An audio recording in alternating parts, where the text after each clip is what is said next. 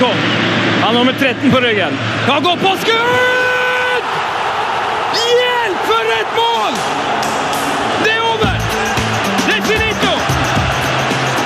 Det er klart! Vi er ferdig! Heia fotball med Tete Lidbom og Sven Biskår Sunde. Heia fotball! Heia fotball! Og god torsdag, min gode mann! Og gutten er tilbake på krykke. Han er altså tilbake på krykket. Hva har skjedd, Tete Lidbom? Ah, Etter seks uker i sommer der jeg virkelig fikk trent opp uh, krykkebevegelsene altså, det- Visste du hvor viktig hofta var i en, en god krykkegange, Sven? Mm, nei. Nei, det, i hvert fall da, så er jeg tilbake. Så jeg tror nok jeg får klokka inn gode ti uker før det året her om, eh, på krykka. altså. Et tungt år for det eh, med krykke. Det var cageball-spilling og en, eh, Ikke en takling, bare en, rett og slett en overbelastning i en overstegsfinte. Ja, skulle, det, var, det var et kvarter igjen av cageballen. Vi spiller jo i to timer, eh, som eh, le, legen påpekte. Er altfor lenge for dere utrente eh, Ja. gamliser. Ja. Så det må vi kanskje slutte med, da. Men ja, eh, Og så står jeg alene, eh, ikke så langt unna mål, på sida der, eh, og skal ta en oversiktsfinte. Dobbel, hadde jeg tenkt. Og, og gå inn i tuttis rett i mål. Og så sa det bare pang eh, bak i høyre legg. Det er ikke bra. Jeg Minne om at vi har show denne uka her. Show! For dere som hører på nå på torsdag eller på fredagen, så er det altså fredag kveld eh, klokka sju så skal vi ha show på O'Learys i Trondheim. Vi skal vise AC Milan mot Rosenborg. Ja, altså Om igjen. ja, den legendariske mirakelet i Milan-kampen fra 1996. Og som om ikke det var nok, eh, så skal altså vi få besøk av Vegard Heggem, som fløy inn eh, et eller annet mål. Vi skal jo ikke avsløre for mye om hvordan kampen gikk. Eh, Harald Martin Brattbakk, som altså flyr til vanlig i Norwegian. Eh, Erik Hoftun og ikke minst Jørn Jamfall. Eh, så vi skal sitte og prate med dem i en times tid før kampen. Ja, det blir nydelig. Ja, og hvis du kommer, da, så vil du da altså komme til å bidra 250 kroner minst til P3-aksjonen nå, Fantastisk. som går til Røde Kors. Eh, og da går pengene stort sett til eh, mennesker på flukt eh, og mennesker som er i krigssoner, eh, om det er i Syria eller Myanmar. Eh, så da kan du gjøre en veldig god gjerning, samtidig som du får se en helt fantastisk kamp. Og du har muligheten til å spørre kanskje det spørsmålet du alltid hadde eh, lyst til å spørre Harald Martin Brattbakk. Fordi vi, vi, vi gir plass til lytterspørsmål. Oh, ja, ja. Spørsmål fra salen eh, Ja. vil bli tillatt. Og Vegard Heggem kommer, og han har lovt oss eh, noe overraskelsesgave. Jeg tror kanskje til og med det vil komme noe, kanskje noe fiskekapse fra lakseranchen hans. Ja, ja, og han har jo spilt eh, ikke bare denne kampen i Champions League, så en drakt eller noe sånt eh, Kanskje, kan kanskje. vel dukke opp i en Det vil bli lodda ut. Eh, må minne om det, det er under 50 billetter igjen as we speak, så dere må gå inn på eh, Facebooken til P3 Heia Fotball og finne lenker til der du kjøper billetter der. Du må kjøpe billett på forhånd, så um, her må man henge i litt for å få lov til å være med. Ja, eh, sida vi bruker vel hopla.no. Du Mm. finner vel eh, arrangementet der òg. O'Learys i Trondheim. Det er midt i Trondheim. Midt i Trondheim! Og det er lov til å være der selv om du er under 18 år òg, men da er du nødt til å ha med deg noen som er over 18 år. Verge, som de kaller det. Mm, det. Du blir på en måte min verge. Det er alltid tett. da. Ja, Okay. Og vice versa. Ja. Skal vi ta imot uh, ukas gjest? Jeg vet at han har en uh, Jeg tror han har mye krykkeerfaring å dele med det. Ja, oh, Kanskje jeg får noen tips. Kanskje. Heia fotballeggen! Oh yes! Heia fotball! Nå! Nå, gutten. Eh, ukas gjest eh, han har vært her før, og han lyder altså et av de virkelig store fotballnavnene i Norge. Og navnet, ja, det blir stadig større. Eh, han ble ansett som et av Norges største fotballtalenter noensinne. Han er òg eier av to av Norges mest opererte knær. En av Norges flinkeste TV-menn. Han er en entertainer av rang, Norges best betalte konferansier, ifølge han sjøl. Fotballekspert i TV 2 og muligens fortsatt fotballspiller i IK Start. Endelig tilbake i Heia Fotball! Jesper Mathisen, velkommen. Tusen hjertelig takk. Endelig så er vi tilbake. Ja da, det er godt. Um, hvordan går det med knærne dine? Knærne går det for så vidt ganske greit med. Bedre enn eh, da jeg var her sist. Jeg har fått eh, lov til å begynne å jogge, så for de som har sett en litt eh, utrent, lang mann joggende rundt i Jegersberg i det siste, som da er turområdet på Gimlekollen der jeg har vokst opp, så stemmer det. Det er med. Fantastisk. Sist du var her, så ga du oss 1% sjanse for at du ville bli fristet til å spille fotball igjen. Er det, er du fortsatt, er det fortsatt 1% sjanse, eller er det blitt, blitt, mer eller mindre? Altså, Det er nok blitt litt mer. Knærne er bedre enn det det var sist, så la oss uh, sette det opp uh, i en uh, ja, 5-6 da. Og I tillegg så er det jo noe som trigger meg med tanke på neste sesong. altså Det kan bli Start, Arendal og Jerv i samme divisjon. Glem Tippeligaen, Obos-ligaen 2017. Det er jo det som teller. Kampen om Sørlandet, altså nesten annenhver uke blir det jo. Det blir eh, annenhver uke. Det blir enormt med derby. og det er klart Kristiansandere og randalitter de har veldig lite til overs for hverandre. Det krangles om hvor sykehuset skal ligge, det krangles om hvem som har den fineste skjærgården. Det er klart, det burde i teorien ikke vært noen diskusjon. Det er én stor by på Sørlandet, det er Kristiansand. Så er Arendal den litt bitre lillebroren. De er kjent for et par ting. Kai Risholt. De er kjent for eh, blondiner med silikonpupper. De er kjent for eh, noen veldig store båter som de alltid kommer inn til fiskebrygga i Kristiansand med. Så legger de de der på langs, sånn at det er ikke vann igjen å se. Hvis du kommer på fiskebrygga i juli så er det kun båter fra Arendal. Og det er ikke vann å gå på. Du kan spasere rett over i den eh, lille bukta hvor Alejandro Fuentes for et par år siden hadde et litt, litt lite uhell. Da er vi i gang med alle, ja. Eh, når du sa at Arendal er kjent for store, og du allerede hadde nevnt silikonpupper, så tenkte jeg at du skulle si store anabole overarmer. For det, det føler jeg også det er liksom sånn, litt ja, det, sånn steroide Dette henger jo sammen, ja. men altså, det er klart Arendal ligger jo veldig gunstig med tanke på det å få smugla ting inn i Norge. Og ja. det er klart, da blir, det er jo noe som detter av på veien her. ikke sant? Så det er noen av pillene noen av tablettene som blir liggende igjen i Arendal sentrum. Og Da prøver jo enkelte av innbyggerne dette, og så kommer de ut av disse treningssentrene med overarm og større enn mine lår, i tillegg til at de som regel har uh, litt uh, blondt hår, de også. Og så uh, kommer de innom Kristiansand om sommeren, og så ser vi de ikke ellers i året. Men det kan bli et eventyr av noen oppgjør. Altså Knut Tørum som trener, Arne Sandstø for Jerv.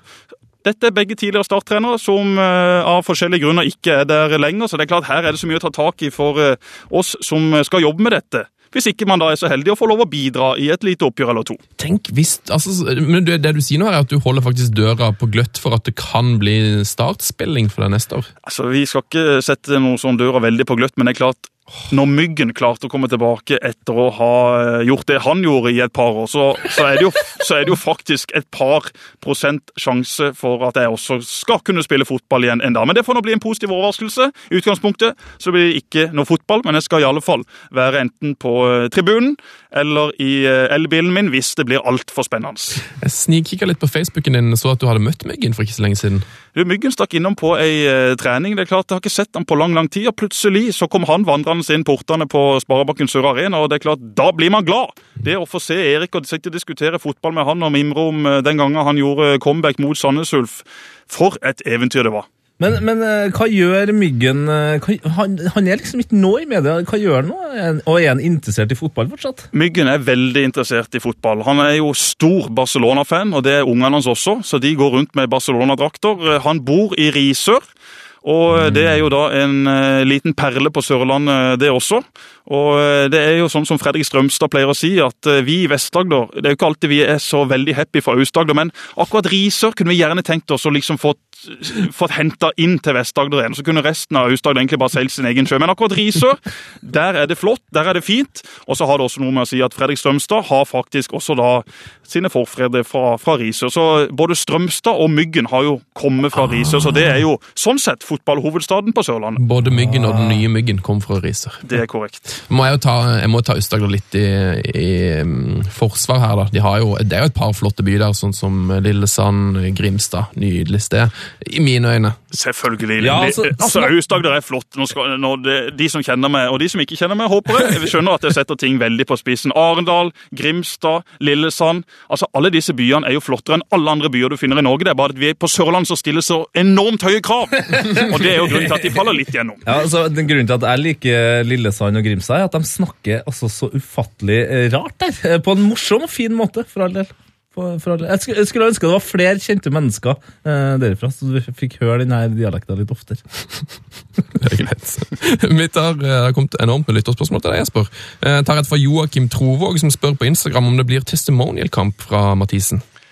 Det har jeg ingen tro på. Altså, det er klart, eh, Jeg tror ikke pappa engang fikk eh, testimonial-kamp. eh, Og hvis ikke han fikk det, så er det vel få andre i Stats historie som fortjener det. Og i alle fall ikke meg. Det kunne vært at slekta mi kunne fått en testimonial-kamp. Ja. Men eh, da får vi heller se om eh, min sønn etter hvert også blir startspiller. Da må vi vel begynne å snakke om at eh, Mathisen-familien iallfall fortjener en eh, liten oppvisningskamp på en, på en ballbing eller et eller annet sånt. Ja, for da, Hvis han òg spiller seg inn, så blir det vel fort en 1000 kamp totalt nå for dere gudene. Ja, det må det, det må det være. Det er klart, Jeg har jo ikke så mange kamper, jeg har jo stort sett vært skada, men, men, men pappa, pappa har jo et, eh, et par hundre. Og Hvis Daniel Berg Hestad hadde 800 for Molde, så må vel pappa ha 1600 for Start. Ja, det var noe, det var noe rart med regninga der. Ja, Det må jo ha tatt med alle fem mot fem-kamper som har blitt spilt på trening opp igjen. Det, det går ikke an å ha spilt over 800 kamper for en klubb, når du i tillegg har vært proff i utlandet. Daniel Berg Hestad har spilt fotball i mange år, men mannen er jo ikke 80 år. Nei, jeg tror, det var, jeg tror de tok med alt av treningskamp og sånn, jeg husker det var, men det var litt sånn Ja, det ble litt snakk om det der. For det var vel, jeg tror det var 900 de fant ut til slutt, som var liksom totalen. Ja, Men for en karriere den mannen har hatt, eh, bare så vi får sagt det. Og han har Molde savna i årets sesong. De har savna en sjef på midten, så det skal Daniel Berg Hestad. En fantastisk fotballspiller, men at de rundt han er veldig gode i matte, det har jeg mine tvil til. Eh, Kjetil eh, Stokkebo spør Jesper Mathisen, framtida. Blir du trener, sportsdirektør eller fotballsynser? Har du, har du lagt noen noe lange planer, bortsett fra å gjøre comeback på start? Eh, så jeg går og legger planer eh, dagen lang. Eh, Men jeg må si at jeg er litt i, i tvil om, om hva jeg skal finne på fremover. Jeg er veldig glad i, Start, og det er klart den aller største drømmen er jo å spille fotball igjen. Sannsynligvis så kommer alle det til å gå. For hvis jeg skal spille fotball igjen, så må jeg for det første være frisk. For det andre så må jeg være god nok. Jeg kan ikke ha sittet i et fotballstudio i to år nå og høvla over både dommere, medspillere motspillere, det som har vært, og så komme tilbake og så levere toere på børsen. Det er klart, det går ikke. Du har gjort det vanskelig for deg sjøl. Fallhøy, fallhøyden er ekstremt stor, og det er vel eh, et par hundre tusen eh, mennesker der ute som bare sitter klare til å hogge beina under meg, men det lever jeg fint med. Det å Gleden med å eventuelt ha spilt litt fotball igjen, det hadde vært stort. Men det tviler jeg sånn sett på. Så da er det jo alternativer om man skal jobbe i TV. Hva skal man jobbe med der? Eh, Jeg trives veldig godt i, i TV 2. Der er det et uh, fantastisk kobbel med flinke, morsomme og, og hyggelige mennesker. Og så uh, får vi nå se hva som, hva som skjer fremover. Men at jeg skal ha nok å gjøre også neste år, det, det tror jeg på. Eh, Så Sist du var her, så avslørte du et brennende engasjement for vannskutere eh, og regler på sjøen. Eh, og jeg, var, jeg har jo akkurat skada meg, og der så jeg at det kom en ny boks på det skadeskjemaet. Vannskuter. Ja, det kan Altså- jeg tenke meg. Ja, men, men har du fått kjørt noe scooter siden sist, altså i sommer? Ja, altså jeg har kjørt uh, masse vannskuter i sommer. og jeg, altså Grunnen til at denne boksen blir satt opp, det er jo for, Jeg skal vedde på at den eh, boksen der, den sto med blokkbokstaver, sto med den der fet, han sto i kursiv, han sto med underskrift. Ja, ja, ja. Fordi at den vil jo at så mange som mulig skal presse inn et kryss i. Fordi at da kan de sitte etter at denne sesongen er over. Ja, vi har x antall skader på vannskuter. Det var sikkert ikke noe alternativ på båt engang. Alle må bare trykke inn vannskuter som har skadet seg på sjøen. Ja, det var fordi at de skal gjøre det ulovlig. Det var det som sto der. Ikke sant? Ja. Også sikkert en snøscooter hvis du er litt lenger nord i landet. Det er så dumt, altså. Men, ha- Du mener at det, at det er en sånn en, eh, en slags uh, heksejakt Ja. på folk som kjører vannscooter i Norge? Er ikke det en Selvfølgelig er det det. Det er ikke lov å ha det gøy i Norge. Alle ting som er gøy, det er forbudt. Eh, Vi har fått spørsmål både fra Davy Vatne og fra Asbjørn Slettemark. Akkurat. Og, og nå skal vi til Begge går om TV 2. Er Hvem vil du ha først, hvis du har lest disse? Nei, altså, Jeg har ikke lest dem, men eh, ta så gi meg Asbjørn først, og så får vi ta det som kommer fra Davy etterpå. Eh, Asbjørn Slettemark spør Jesper Mathisen beste og verste dag på jobb i TV 2. Um, Jeg regner med at han, at han vet noe her som ikke vi vet. sånn at det er noen stories her. Ja, så Jeg vet da søren hva, han, eh, hva han vil ha fram, men eh, beste dag på jobb i TV 2 Det er klart eh, Jeg har jo hatt noen fantastiske dager med han som jeg får spørsmål etterpå, så med Davy. Det er liksom Jeg hoppa i fallskjerm med fyren. Eneste Ja, på Voss! På Voss! Har ikke fortalt om det? Nei. Nei, Da får vi ta den. Altså, vi, vi ble da spurt om vi, om vi skulle være med til, til Voss på denne her Ekstremsport-veko. Så, så ble jeg ringt, og så sa jeg ja, la oss, la oss gå til Voss. Eh, Davy er jo med. Ja, men det er fint. Eh, Og hvis vi først skal til Voss, så er jo ikke det for å sitte i en kajakk. Altså, da, da, må vi jo- da må vi jo gjøre det som virkelig er nå. Da må vi jo hoppe i fallskjerm. Og Davy trodde jo jeg var stinn hakka gal, og nekta jo selvfølgelig på det. Han, Det skjønner jeg godt. han skulle ikke være med på det. Og så var vi først i denne her vindtunnelen, som dere sikkert har sett eh, på TV. En sånn en svær turbin som eh, folk blir blåst opp i, og så er det liksom, det skal tilsvare det å ligge i lufta. Så den var vi inne i først. Og når Davy kom ut derifra, så, så var han, han var så redd at han hadde, han hadde ikke vært så redd på mange år. Og da er, da er det sånn kanskje, kanskje to-tre meter over bakken, liksom. Ja, da ligger du to-tre meter over et sånt et nett, at det er liksom ingenting som kan gå galt inni der. Men det er klart, de måtte ha, det måtte en del luft gjennom den turbinen for at det skulle løfte både meg og Davy, men, men de hadde såpass med luft, så vi fløy nå opp og ned inni der. Og så gikk vi nå opp da til, til dette her, ei, sånn ei flystripp rett opp forbi der på Voss. Veldig hyggelig sted, det var flott vær, eh, en haug av sånne typiske fallskjermhoppere som har eh, langt hår, ingen bekymringer, skulle ikke tro de hadde eneste regning å betale, ikke aldri vært i en nettbank, alt bare ordner seg for de. Og Davy kom opp, og der er det jo også mange eh, søte jenter av det motsatte kjønn, og de syns jo det er stas at Davy kommer på besøk og liksom spør han eh, skal du hoppe, og han sier aldri, aldri, aldri hoppe, aldri hoppe. Liksom nekta plent på det. Men så, så er det han som er sammen med, med Kari Traa, altså eh, han er fra Kristiansand, en utrolig flink og, og flott fyr som har hoppa tusenvis av hopp. Han begynte jo å snakke litt med Davy, og så begynte Davy å tenke ok, Jesper. Han har altså spilt på oddsen siden han eh, gikk ut av barnehagen. Han har regna, han kan kalkulere. Han vet at hvis det er for mye risiko i dette, ja, så vil ikke han hoppe ut av det flyet. Så han brukte det som grunn Han til å kunne hoppe? det, for jeg var så rolig, liksom. Jeg var så kul på dette. Jeg har i hele mitt liv sagt jeg skal aldri hoppe i en fallskjerm. Aldri! Jeg skjønner ikke vitsen. Hoppe ut av et velfungerende fly, deise mot bakken. Du har en sjanse for å dø. Hvorfor skal du gjøre det? Så ble jeg ringt da av ei i TV 2 som spurte om jeg ville, og så sa jeg bare ja. ok, da gjør vi bare det. Så var plutselig alt det snudd på huet. Og Davy brukte dette som en trygghet. da. Så etter mye om og venn der oppe, og, og, og samtaler med, med både kvinner og menn, så, så fant han ut at ok, hvis Jesper skal hoppe, så skal jeg også. Og vi går ut mot dette flyet, og det er jo sånn et eh, Det var jo en blikkboks av et fly. Vi trodde ikke det vi så når vi skulle gå inn i det flyet. Det var jo et fly som må ha vært fra andre verdenskrig eller før dit. Altså, det, det var et fly. Det bråkte, og det skangla, og inn der gikk vi. Og fortsatt like rolige. Og så kommer vi opp da på disse her 12 000-14 000 fot eh, som vi skulle hoppe fra.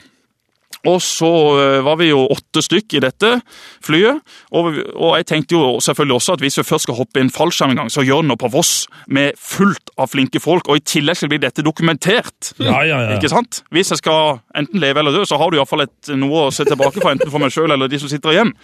Og før vi hoppa, så spilte vi inn en sånn avskjedstale i tilfelle det skulle gå virkelig galt. Så den talen har jeg på min maskin, som liksom egentlig da er meg Davies sine siste ord, hvor vi hilser til, til kjente og kjære.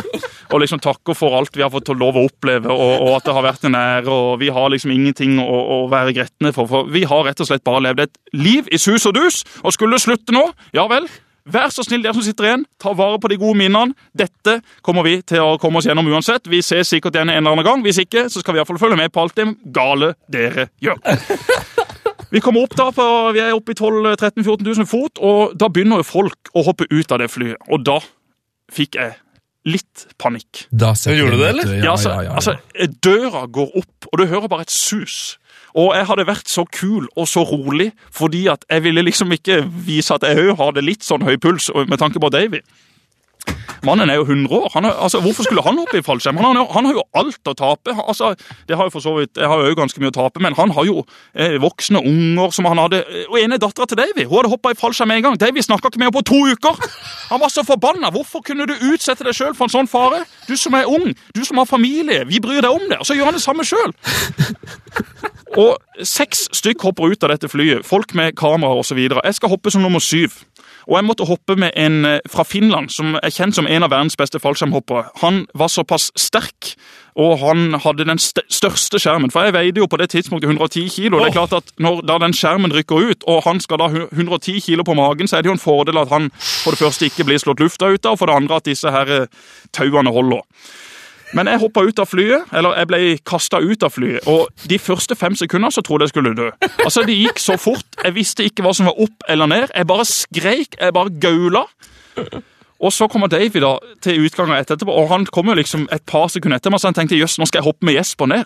Og så ser Davy ut av flyet, og så ser han bare en sånn bitte liten prikk, og det var meg.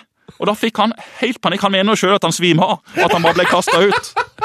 Han hadde et par scenarioer. Jeg kommer til å dø, tenkte han da han hoppa. Og det får nå så vidt være greit. Jeg er en gammel mann. Det er verre enn hvis Jesper ryker. Men enten så kommer jeg til å fryse i hjel når jeg kommer ut, eller så kommer hjertet til å stoppe av redsel, eller så går ikke skjermen ut, og jeg ligger der som ei pannekake. Det var liksom de tre alternativene han hadde. Det fjerde alternativet, det å overleve, det var egentlig ikke reelt. Men han hoppa nå allikevel. Og jeg seilte jo nedover der, og skjermen kom ut, og det var topp stemning før han plutselig skulle begynne å gjøre noe som piruetter, han her gale finnen, som hadde hoppa x antall tusen hopp. Men vi kom oss nå ned, og der sto jeg jo bare og skulle gjøre meg klar til å ta imot uh, Davy. Og Davy, han kom jo, han òg! Skjermen hadde løst ut, han hadde ikke gått ut av selen. Det gikk bra! Og Davy lander. Og det er liksom for meg et av de eh, sterkeste Det er det, er det sterkeste minnet med Davy. Davy kommer ned, og han han, altså, han strigråter, han skjelver. Han er så glad for at dette gikk fint, og han er så stolt over at han gjorde det. Oh. Og, og det, altså, han, der, sto, der sto Dave i vannet og grein. Jeg er den eneste i verden, eller sammen med et par andre, da, som har hoppa fallskjerm med Davy Vatne. Jeg var der da Davy Vatne. Jeg var der ikke da Hjallis gikk fort på skøyter, eller da Oddvar Brå bak staven. Glem det, da! Jeg var der da Davy hoppa fallskjerm på Voss! Det er jo mye større! Ja, ja. Og, og, og han, han gråt sine eh, vakreste gledestårer. Han grein. Det må være et sånn et ekstre, Er det ikke et, et sånn ekstrem du, du som ikke eh, ruser deg på alkohol og sånn, er det ikke en helt, helt sånn ekstremt rush det der eh, å, å hoppe ut der? Jo, det, det var det. Blir du ikke helt tullet når du, når du treffer bakken? Jo, jo, jo. altså Jeg var jo helt ute av meg sjøl. Men jeg hadde liksom, men jeg hadde jo for, heldigvis noe å fokusere på med en gang jeg var landa. Så var det jo 'Kommer nestemann'. Kommer Davy. Kom, og David, Ikke sant? Og Takk han, og pris, kom han og han, og han kom. Og det er liksom, ja, det, det var utrolig, utrolig utrolig stort, rett og slett. Så det er jeg veldig glad for at jeg gjorde. Og så har vel verken meg eller David noen sånne planer om å gjøre det igjen, men vi har nå gjort det, da. Ja, men nå kjente jeg at jeg, nå, jeg gleda meg veldig til å hoppe fallskjerm i sommer, men så endte jeg jo på krykka, eh, og, og min bedre halvdel hoppa. Og Ja. hun ga meg på en måte et resymé som gjorde at jeg tenkte jeg vet ikke, det her gidder ikke. For hun var, helt, hun var sånn Nei, det var greit. Det, var- hun sa det. Det var skuffende Det var litt skuffende. Ja, nei, ja, det, altså, det, Det er jo helt sykt å hoppe i fallskjerm og si Ja. det er litt skuffende. Ja, ja, det er litt skuffende. Men det, nå vet jo ikke hva hun driver med på fritida, men det er klart hvis det er skuffende, så, så ville jeg vel tatt en, eh, en sjekk, eller eventuelt fulgt etter opp med et GoPro-kamera og sett hva hun faktisk foretar seg både på eh, nattestid og på dagtid. For hvis ikke det er fett, hvis ikke det er et lite kick å hoppe i fallskjerm, ja, da, da vet ikke jeg. Vi tar et spørsmål fra Davy òg. Hva syns du om arbeidsmiljø, kameratskap og kollegialitet i TV 2? Stikkord Ny Hellesund og Kautokeino. Ja, altså, Jeg har vel ikke vært her etter Ny Hellesund heller, men det har jo sikkert de fleste fått, eh, fått med seg. Men uh, Davy sto jo og fiska på ei brygge. Vi hadde ei samling med hele TV 2s uh, tippeligagjeng. Er det vannskuterincidenten? Ja, det er vanskelig. incident. Dette var i Ny Hellesund, eh, ut forbi Søgne der vi har hytte. og Jeg skal ta den eh, kort, siden de fleste sikkert har fått det med seg. Men det som skjer da, er jo at Davy står og fisker. Eh, Og bak han står Ole Martin, eh, også fisker. Men så, og meg og Freddy vi er da på en vannskuter. En vannskuter som har da 260 hester, som ikke politiet eller den norske stat er glad i. Men der ute så var det ingen av de.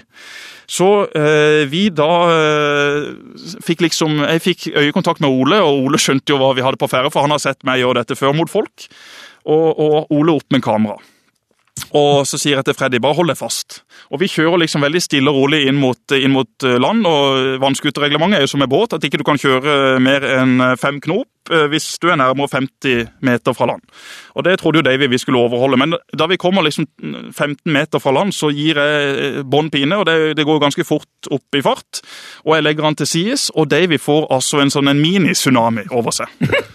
Og han står der da i, i ei dongeribukse og ei jakke og er kliss klass. Og han vet ikke hva han skal si. Han eh, blir for første gang i sitt liv eh, Han har ingen ord som kommer ut av den eh, kjeften hans. Og det, det, det har aldri skjedd før. Og så er det jo så bra filma av Ole Martin. Han liksom filmer ut på oss, filmer på Davy, og Davy oppgir hva er det han sier, har du størrelse 36-30, også kalt liten dverg? Liksom Det er det størrelsen han bruker i buksa. Altså, det er jo, Du skulle trodd at dette var planlagt ned til minste detalj, men det er det faktisk ikke.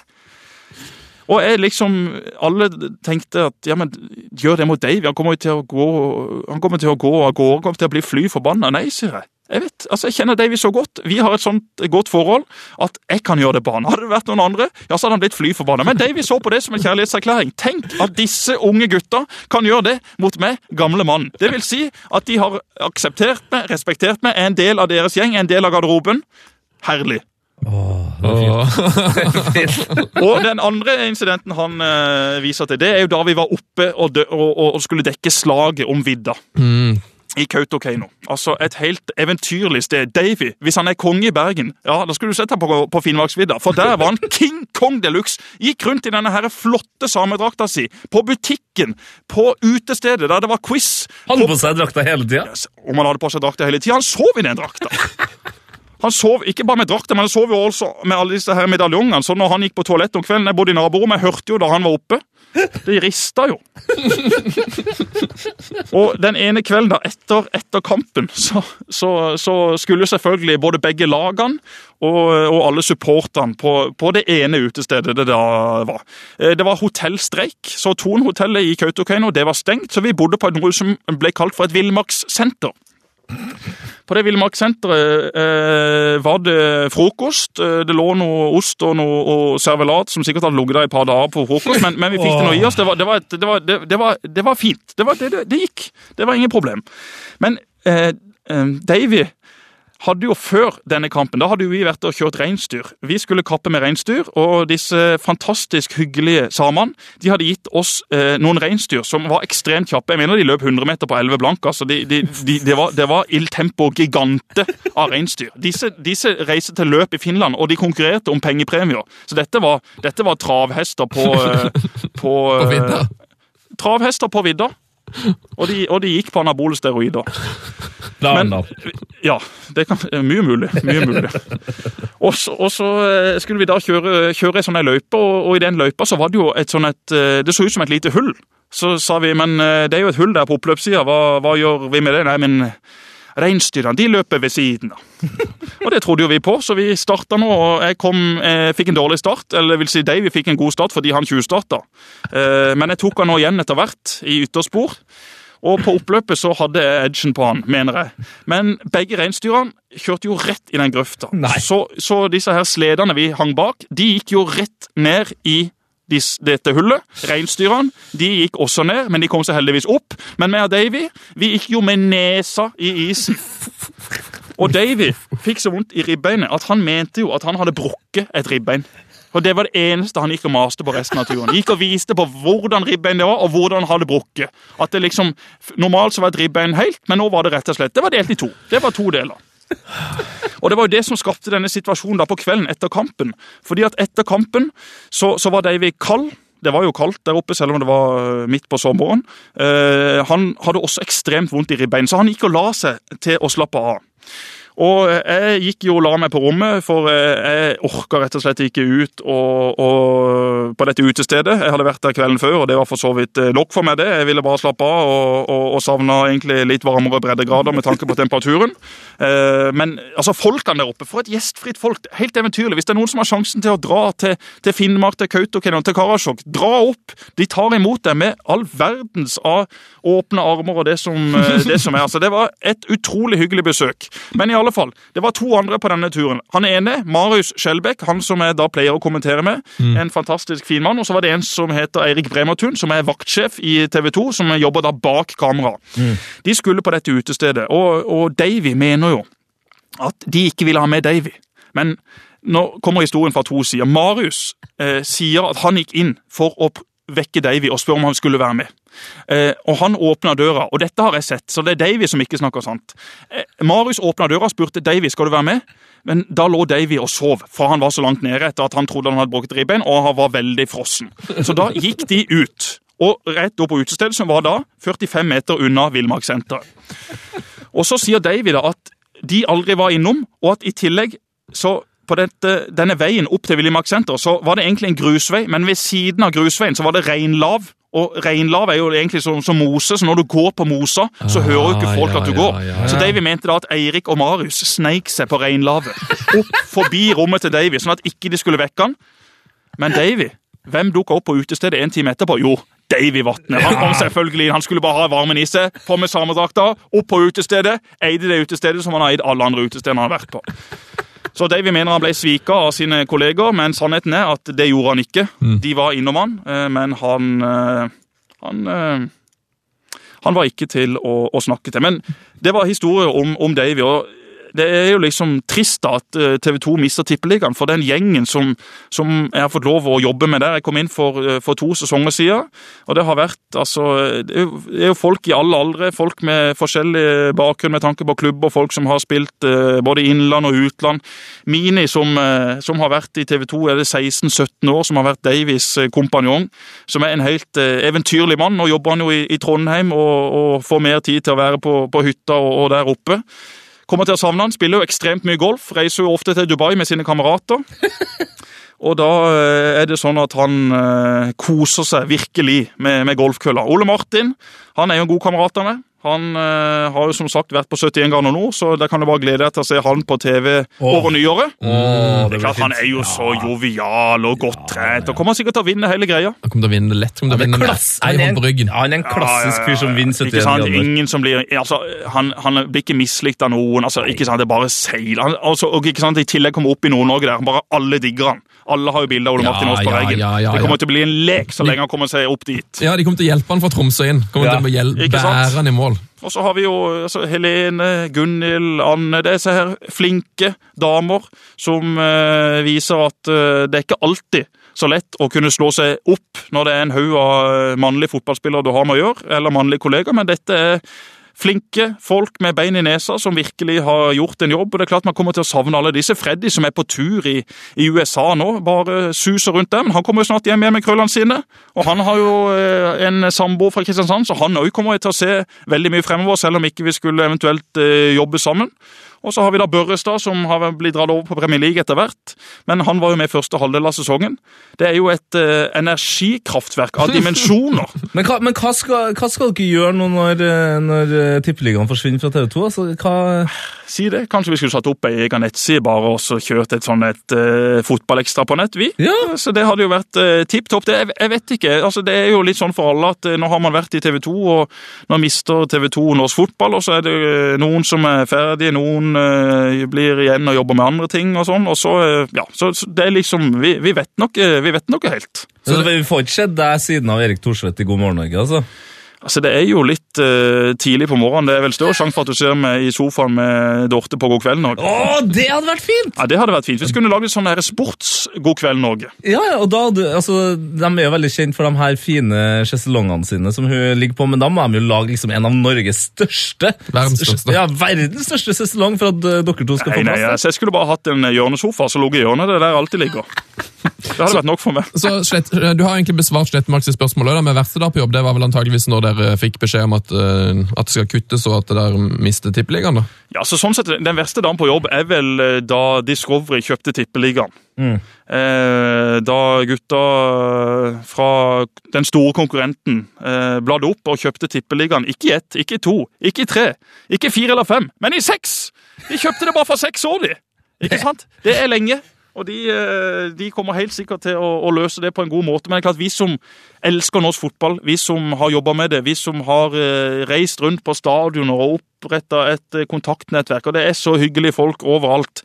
Det er klart at vi elsker jo å, å, å, jobbe med dette, og det er klart at når da TV 2 mister det, så, så er det jo en ting er at man mister rettigheten, men en annen ting er jo liksom den gjengen man da har reist rundt med. Altså Med Bredli, med Skjelbæk, altså med hele den gjengen jeg har snakka om nå. Det, det har rett og slett vært et, et eventyr. Og jeg er utrolig glad for å ha fått uh, opplevd det. Så om jeg skulle omkomme i ei fallskjermulykke nå i, i neste måned eller neste år, så har jeg iallfall fått med meg det også. Så jeg legger det på uh, blokka for uh, en veldig god erfaring, veldig lærerikt, utrolig gøy. Og det har vært en glede fra start til slutt med disse tippeligarettighetene. Og så vet jo ingen hva fremtida bringer om TV 2 får det tilbake om noen år, om noen av skal jobbe i andre kanaler. Så det, det vet jo ingen ennå, så det er usikkert. Men Hadde du, kunne du tenkt deg å jobbe videre med Discovery? da? Altså, jeg liker eh, norsk fotball, og jeg liker eh, TV 2. Så eh, hva jeg skal svare på det, det får vi nå, det får vi nå se på. Men eh, akkurat for øyeblikket har jeg det utrolig gøy i TV 2.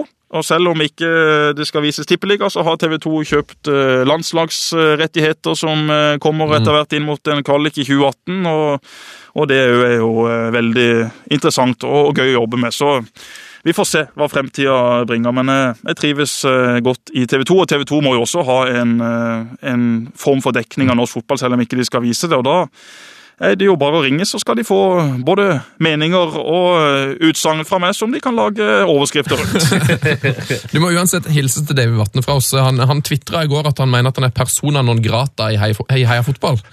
Ja, Det må vi bare si at han er nå hjertelig velkommen eh, til oss. eh, Det skal han bare vite. Davy har dere hatt Davy som gjest? Nei, han er en av våre mest ønska gjester, både fra vårt Ja, og lytterne sitt Jeg skal love dere at dere har Davy Vatne som gjest før nyttår. Ja, det er godt her! Ja, men altså, vi, de, de kan ikke ha et, en podkast uten å ha Davy Vatne som gjest. En podkast av dette formatet, og så Ja! har ikke kongen sjøl vært her. Nei, det er det vi sier! Men vi har prøvd siden episode fem. eller sånt. Vi, vi var utrolig nære eh, for, for to nå år på, siden. jeg fikk Davy Vatne til å hoppe i fallskjerm. Ja, Alt er Jeg mulig. får Davy Vatne i Heia Fotball. Det er vi bare enige om. Det er en lovnad. det er godt.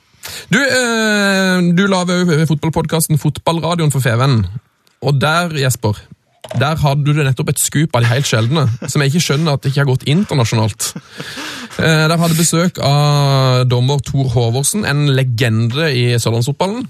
Ja, det er korrekt. Tor Håvorsen har dømt eh, kamper i sørlandsfotballen i hundrevis av år. I tillegg så har han også dømt eh, han vil dømt førstedivisjon osv. Men det var jo en historie der Sven, som jeg tenker meg du ble litt sånn eh, Ja, hva skal vi si? Litt forbanna på. Ja, jeg ble litt eh, rett og slett litt sjokkert. For, altså, bare sette Tor Håvorsen litt, da. En bitte liten energibunt av en dommer som har eh, Han har dømt med en hel haug med ganger, og jeg tror liksom alle, alle som har spilt fotball på Sørlandet mellom 1990 og 2005, vet jo veldig godt hvem det her er. En utrolig blid og fin dommer. Altså, han er sånn typisk, Uansett hvor i Norge du eh, kommer fra, så har du en sånn der type dommer. Han med glimt i øyet. Ja, ja, Han som alle vet hvem er. Yes. Ja. Eh, Liksom den store dommerlegenden blant oss som, mm. i juniorfotballen.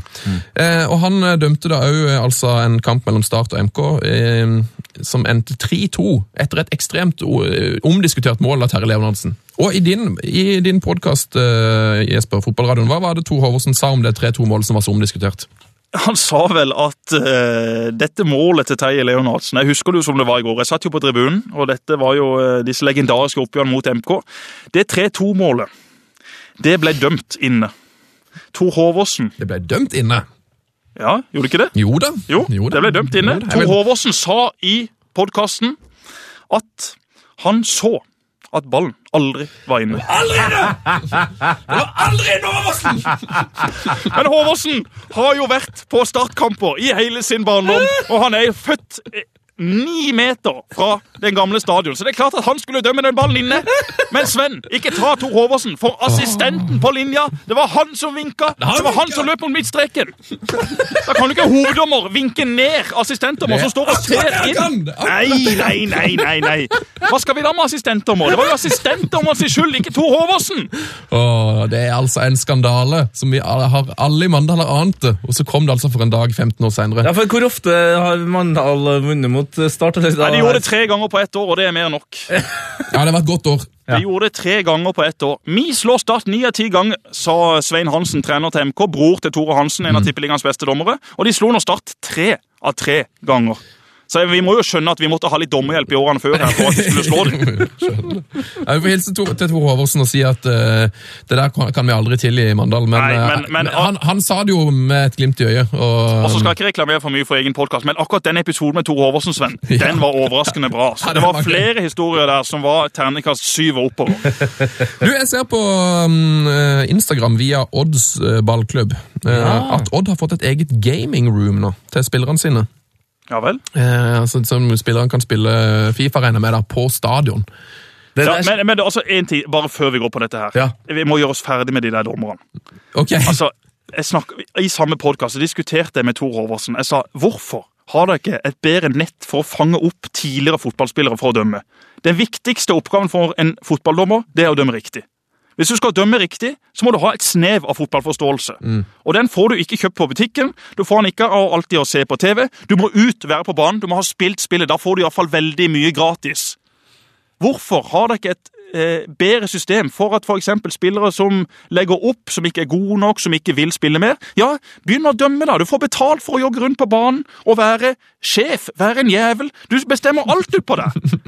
Det er, jo, det, det, det, er jo kjempe, er jo kjempestemning. Altså, hadde knærne mine fungert, så kunne jeg godt tenkt meg å dømme, men problemet, sa jeg, Tor Håvåsen, problemet er at hvis jeg begynner å dømme 1.1.2017, så vil det altså ta meg seks-syv år før jeg får lov til å dømme Tippeliga. Det tar syv år å bli lege i Norge. Det kan ikke ta syv år i Norge for å bli tippeligadommer når du har spilt tusenvis av fotballkamper først. Jeg har dømt hver eneste kamp jeg har spilt siden jeg var fem-seks år gammel. Ikke sant? Jeg har dømt flere kamper enn Tor Håvardsen, og jeg har dømt bedre. Jeg kan dømme. Det kan, det kan de fleste fotballspillere. Alle fotballspillere har det i ryggmargen. Er det rett, eller er det galt? Ja, Så må man selvfølgelig lære seg regler og hvordan man skal bevege seg på banen. alt dette her, tullet her. Men det tar jo ikke syv år å lære seg det. Vi burde hatt flere fotballspillere som var dommere. Se på Tore Hansen. En av de beste dommerne i Tippeligaen fordi at han skjønner spillet, han skjønner hvordan spillerne reagerer, han skjønner mekanismene utpå der. Det er altfor få dommere som gjør det.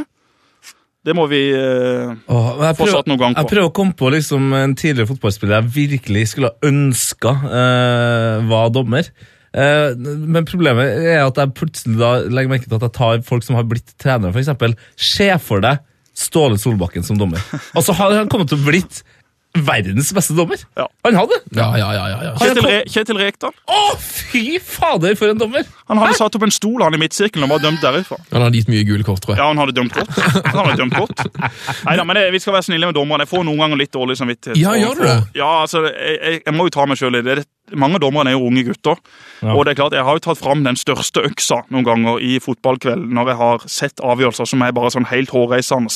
Og da tenker jeg jo faktisk, når jeg legger meg, eventuelt eh, når jeg står opp dagen etter, at eh, ah, Jesper, nå må du da må du være litt forsiktig. Men jeg tror nok de også forstår at vi, vi er i underholdningsbransjen. Vi er nødt til å skape noe furore. Vi er nødt til å skape litt overskrift, overskrifter. Vi er nødt til å smelle til litt mer enn vi kanskje burde burde. Men til alle dørdommere der ute, unnskyld. Men eh, apropos eh, overskrifter, eh, som er i hvert fall for oss litt overraskende. For få uker siden så hadde Alt om fotball, denne nettsida, Birger Meling på Stabæk som årets spiller på børsen. Eh, hvem mener du er årets spiller, eh, Jesper, i Tippeligaen? Det er Mike Jensen.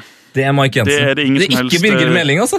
Birger Meling eh, har vært eh, bra, han. eh, Men at han har vært tippeligaens beste spiller, det har han ikke. Han har vært for ustabil, i likhet med resten av Stabæk-laget. Kommer til å bli en meget god venstreback eh, for Stabæk, for større klubber og forhåpentligvis for Norges A-landslag etter hvert. Han eh, er en eh, fyr med bra holdninger, veldig bra ferdigheter. Så for all del, Birger Meling, en meget god eh, forsvarer. Ikke så rart når han er i familie med Brynjar Meling. Han, han er ikke det, men jeg har sittet på TV så mange ganger, og, og det har vært veldig nære å sagt Brynjar Meling. Freddy har sagt det én gang, men utenom det så er det ingen som har, ingen som har trådd i Jeg så eh, Aftenposten eller noe hadde skrevet Brynjar Meling hadde en eh, strålende redning på streken, og den delte Brynjar Meling på Twitter til Den er fin.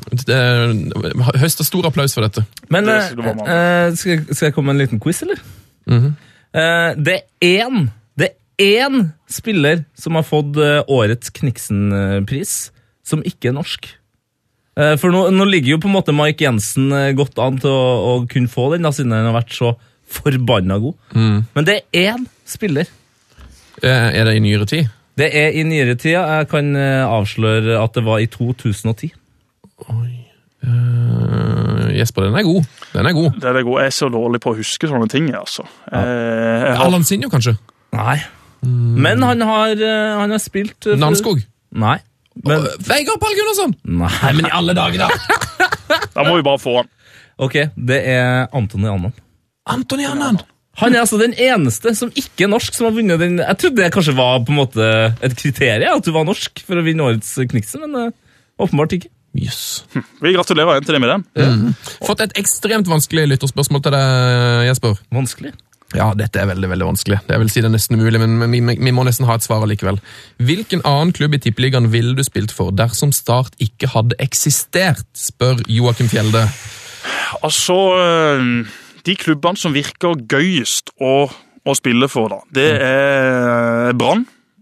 Brann eh, virker som en utrolig kul klubb eh, med tanke på byen, altså med tanke på den galskapen det kan bli i Bergen hvis laget gjør det godt og spiller god fotball. Vi ser nå gjør laget det godt, men spiller ikke så god fotball, da kommer ikke folk. Men hvis laget spiller godt og gjør det bra, Da, da, da er det full fyr i Bergen. Vålerenga òg.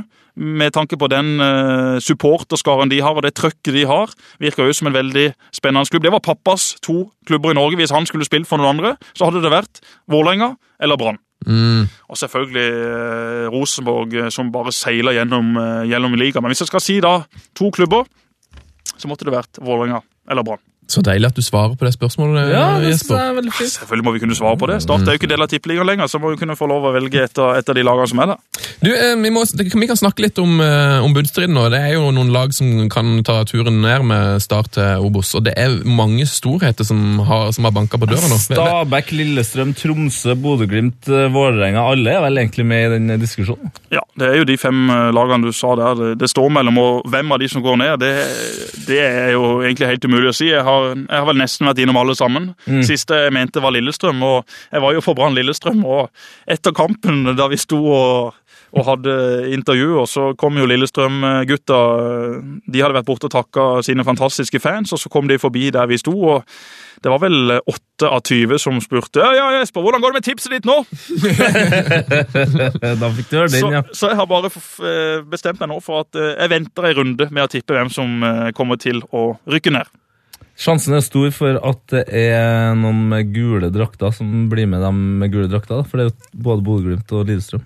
Det er størst sjanse for, for det, ja. Og Så får vi se hvem, hvem det blir. Det hadde jo vært eh, et skup for Obos-ligaen hvis Ronny Deila, ny stadion og Vålerenga faktisk skulle stille til start eh, neste sesong.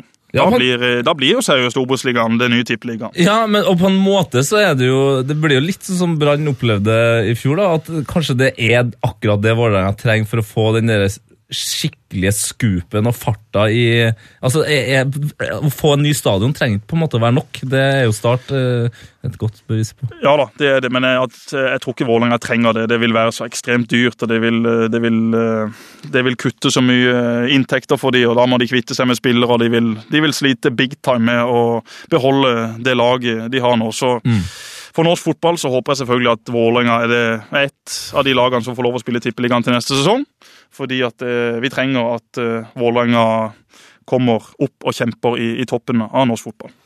Er det sånn at uh, en legende i start, uh, altså Espen Hoff, legger skoene på hylla nå? Espen Hoff legger skoene på hylla. Mannen som har spilt uh, hundrevis av tippeligakamper. Verdens mest sympatiske mann. Verdens gråeste mann. Han har jo hatt grått hår nå i en del år og blir jo kalt Sølvreven på, på Sør Arena, av god grunn. Han eh, legger nå skoene på hylla og er da på jakt etter å jobbe med noe annet enn fotball fra 1.1.2017. Han har vært i dialog med flere, og det kommer garantert til å ordne seg for han. En flink fyr. En fyr som har bra med kapasitet, eh, også utenfor banen. Så eh, de som får tak i Hoff, de er heldige. Skal han inn i Don 2 nå, eller? Altså, Min gode venn Rune Hægeland, som er trener for Don 2, han eh, driver og spiller logistikk på en helt annen eh, måte og på et helt annet nivå enn alle andre i, hele Norge, faktisk. Eh, og Han har jo da samla sammen en god gjeng fra før, og jeg tror nå at Espen Hoff også kommer til å være klar for Don 2 fra neste sesong, og det vil jo være et skup! Don 2 tas til nye høyder. Jeg tenker jo at Det er såpass lenge siden det har skjedd en av de her litt sånn eh, intense, hysteriske, opphøgde potetreklamen. Kanskje Hoff eh, kunne ha stilt i en av dem? Det er jo Det syns jeg absolutt han burde. Hoff er jo verdenskjent allerede etter at han sparka hull i den veggen og Lars Ja. sklei da han skulle, skulle sparke den søppelbøtta. Så Hoff har faktisk gått viralt. Det er det ikke alle som har gjort. Eh, Det en, eh, nå har jeg ikke klart å få med meg Jo, Jan Erik Albertsen spør på eh, Facebook Spør hva han gjør om Arendal fotball slår Start i en eller begge kamper neste år. Altså, Det hadde jo vært blytungt. Etter, eh, etter pappas død så hadde jo det kommet på en god andreplass. Det er såpass, ja. Ja, det er det, altså. Det å tape for Arendal eh, bare én gang er jo egentlig katastrofalt. Jeg tror seriøst aldri jeg har tapt for et lag fra Aust-Agder. Fra jeg var født. Av de kampene jeg er involvert i, så har vi aldri tapt for et lag fra Aust-Agder. Aldri. Ikke på gutter 6, ikke på gutter 18, ikke på A-lagsnivå. Aldri. Kan du fortelle oss litt om dette, dette nye laget som vi skal bli kjent med neste år, som kommer opp fra andredivisjon? Altså, Arendal eh, består eh, av eh, spillere som har vært i Start, MK Jerv. Sven Fredrik Stray, som du kjenner godt fra tida i MK, han er jo kaptein for dette laget. Han er den som spiller eh, midtstopper, eh, sammen med en som heter Marius Andersen, som også er en meget talentfull eh, gutt fra, fra Vestlandet. Så de har både unge spillere, de har rutinerte spillere, også fra utlandet. Arendal har en eh, meget eh, rik onkel som heter Jan Sigurd Otterlei, som er ekstremt viktig for idretten i Aust-Agder. Som har dytta masse penger både inn i Arendal, men også i alle andre klubber. ØIF Arendal, håndballklubben der borte, står han også bak. Så det drives godt, men i tillegg så har de da en, en stor, stor fotballsupporter som har en stor stor pengesekk, som også har hjulpet til med dette. Så Arendal kommer til å bite fra seg i neste sesong.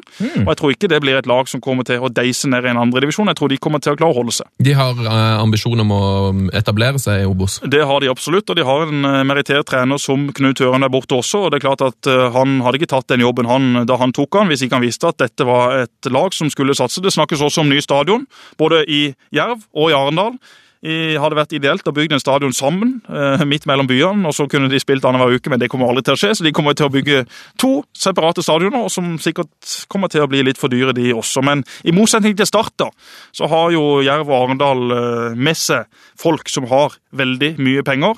Ikke det at de bruker så mye penger, men de har iallfall muligheten til det i fremtida, hvis de skulle ville det. Jeg har fått et veldig fint eh, lytterspørsmål fra Espen Froestad, eh, og han skriver Han vil... han høres ut som han er fra Grimstad eller Lillesand. Nei, jeg lurer på om han er fra Haugesund, mener jeg. Jeg har uh, vært med i noen sånne tippegrupper med han, så han er glad i å levere inn et godt spill på Olsen. Han er altså Tottenham-fan, tror jeg. Ja. Nei, Froestad, det var jo litt sånn uh, Froland, eh, indre bygde, eh, Øst-Agder-schwung på det navnet, syns jeg. Men uh, han spør iallfall hvilke fire tidligere lagkamerater vil Jesper ta med seg på en helg på hytta? Så har han òg spilt inn noen favoritter. Bala Garba, David Nilsen og Bernie Hulsker. Oi, oi, oi. Bala, Bala traff jeg jo eh, her for et par uker siden. Ja da. ja, ja. Jeg fikk jo en, en eh, MMS av, av Jesper her. Med, altså, et, et, det nydeligste gliset eh, fra alle flyplasser i Norge, tror jeg. Ja, det, Det, det, må du bare få ut, det må du bare få ut på, på nettet etterpå. Så det er Bala som eh, står på Karmøy flyplass. og Han er veldig opptatt av at når jeg skal ta bilde med han i sikkerhetskontrollen, så må han alltid på seg jakke, fordi at han har ikke lov å bli avbilda i dette Securitas-antrekket sitt. Å ja! Jeg vet ikke hvorfor, men det er iallfall ikke lov. Og Bala er jo veldig pliktoppfyllende, så han eh, gikk da og lånte jakka en annen, og så fikk vi lov å ta bilde. Og på frokosten eh, den dagen jeg skulle reise hjem, så traff jeg også Bala. For da satt Bala der med en kompis fra Nigeria som har et akademi i Nigeria. og Da skulle de å møte FK Haugesund for å se om de kunne få til en avtale. Ja, ja, ja. Så Bala han er på jobb også utenfor flyplassen. Jeg fortalte jo masse Bala-historier sist, men jeg fortalte ikke en av de som er kanskje de beste. Det er at Bala, når vi reiste og hadde frokoster, så var det jo ofte sånn at vi tok jo egg og bacon, men Bala er muslim. Han spiser da ikke svin, men han spiste bacon. For det var så jævla godt. Det er jo en fantastisk Så Bala er en bra mann. Åh, da, da, En levemann. Men jeg tror ikke jeg hadde tatt med meg Bala på ei hytte. Dette hadde sannsynligvis vært på ei hytte med sjøen, og Bala er jo ikke en fisk. Så, så Bala hadde Han kan svømme. Altså, jeg vet ikke om han kan svømme. Disse andre nigerianerne jeg har spilt med, Olufemi Oladapo eksempel, han visste jo ikke hva som var opp og ned i vannet, og han prøvde å bade litt med på La Manga, men han holdt jo seriøst på å drukne i et lite basseng. Men vi fikk dratt han opp. Så Bernt hadde selvfølgelig vært med. Han kan vel heller Eh, ikke svømme så mye. Nei, han har problemer med ørene, sier han. Men han kunne vært en, en, en god entertainer på, på land når vi, når vi kom oss inn. Ole Martin måtte vært med. En person og en medspiller og en kollega som jeg setter vanvittig høyt. Et av de flotteste menneskene jeg noensinne har møtt. Og alt det inntrykket alle andre sitter med om han, det stemmer. Sistemann eh, skulle vi tatt med da eh, Hvem skulle det vært? Det er så mange å velge i. Men jeg tror faktisk jeg har tatt med Rune Nilsen. Vår gode, gamle keeper. Som er ekstremt god til å grille! Vi må jo ha noen til å grille! Ja. Så der har du firemannen. Nilsen, Årst, Hulsker og Mathisen. Vet du hvem som er bitter på dette? Eh, ja, Det er det sikkert mange som er, men hvem tenker du på? Stå her og snakke om at eh, jeg har vært bitter. og Det kan du ta deg faen på at jeg har vært. Jeg har vært jævla bitter, jeg har vært jævla forbanna. Og jeg har, jeg har ikke tenkt å avslutte karrieren min på den måten her. Nei, men nå måtte han altså avslutte dette, er jo da, dette er jo da Roger Risholt, Ja. mannen som fikk en svart og en rød hummer i tegna si. Men broren hans, Kai, han kjenner vi også godt til. Og Kai er on fire på Facebook for tida, for han pusser opp et hus. Og Kai er så ekstremt flink til å delegere ansvar. Han mener jo at en god arbeidsleder, en god fotballspiller, en god kaptein eller en god trener, han gjør ingenting. Han bare får sine lagkamerater eller sine medarbeidere til å gjøre alt sammen. Så Kai nå på Facebook i går senest, så hadde han revet ut av et rom. Det lå bare en haug med søppel nedfor ved plattingen, altså en svær haug. Så skrev han på Facebook 500 kroner til den som kommer og henter dette. Og så fikk han spørsmålet litt sånn ned i tråden. eh, Er du, er du, har du alltid vært så flink til å delegere? Ja, delegering er noe av det jeg er best på her i verden. Og på kvelden så sto det bare 'Oppdrag utført, 500 kroner, alt delegert'. Å, for en nydelig mann. Ja, en nydelig Jeg familie. hører at du driver på å pusse opp sjøl. Ja, jeg pusser opp sjøl, og eh, jeg har kjøpt et eh, rekkehus som jeg skal leie ut til noen eh, studenter. og Da er det inn med noen håndverkere, og jeg bidrar sjøl og kjører på søpla. Ekstremt hyggelig på søpla. Treffer jo alltid noen kjente, og alle er jo så glad på søpla. Ja, søpla er konge. Alt- ja, ja, Jeg ja, søpla, jeg, jeg har vært på søpla nå fem dager på rad, og det er altså alltid topp stemning der ute. Det er liksom Folk kommer der og vi har, 'Ja, hva driver du med?' 'Jeg har revet bad.' 'Jeg ser at du òg har. Og du skal hive den fine hylla fra.' 'Ja, Ikea, vet du. Det er jo bare emballasje. Det er jo bare tull.' Ikke sant, Så står vi nå der, og så er det toppstemning. Og så de som jobber på søpla, òg ekstremt hyggelige folk. Kommer og hjelper. 'Ja, skal denne i rest eller gips?' Ja, han skal jo i gips, men klokka er jo ti på syv, og vi stenger syv. Hiv alltid, hiv rest.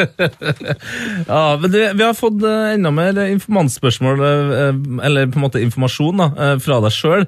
Og den, den her, den syns jeg ser litt sånn Jeg er litt overraska over at du kom ut med den sjøl, fordi når jeg leser den, så virker det ganske mørkt. Det er at vi gjerne kunne snakke om at du eier 10% av Norges største shoppingportal for jenter på nett. Altså, Det høres ut som du driver med både prostitusjon og menneskesmuglinger, men Ja. eh, Nei, altså, Jeg holder på med mye, men akkurat prostitusjon og menneskesmugling det har jeg ikke begynt med enda. enda nei. Nei, men nå får vi se. Altså, det er klart, Står man på bar bakke, ja, så må man jo vurdere alle, alle alternativer.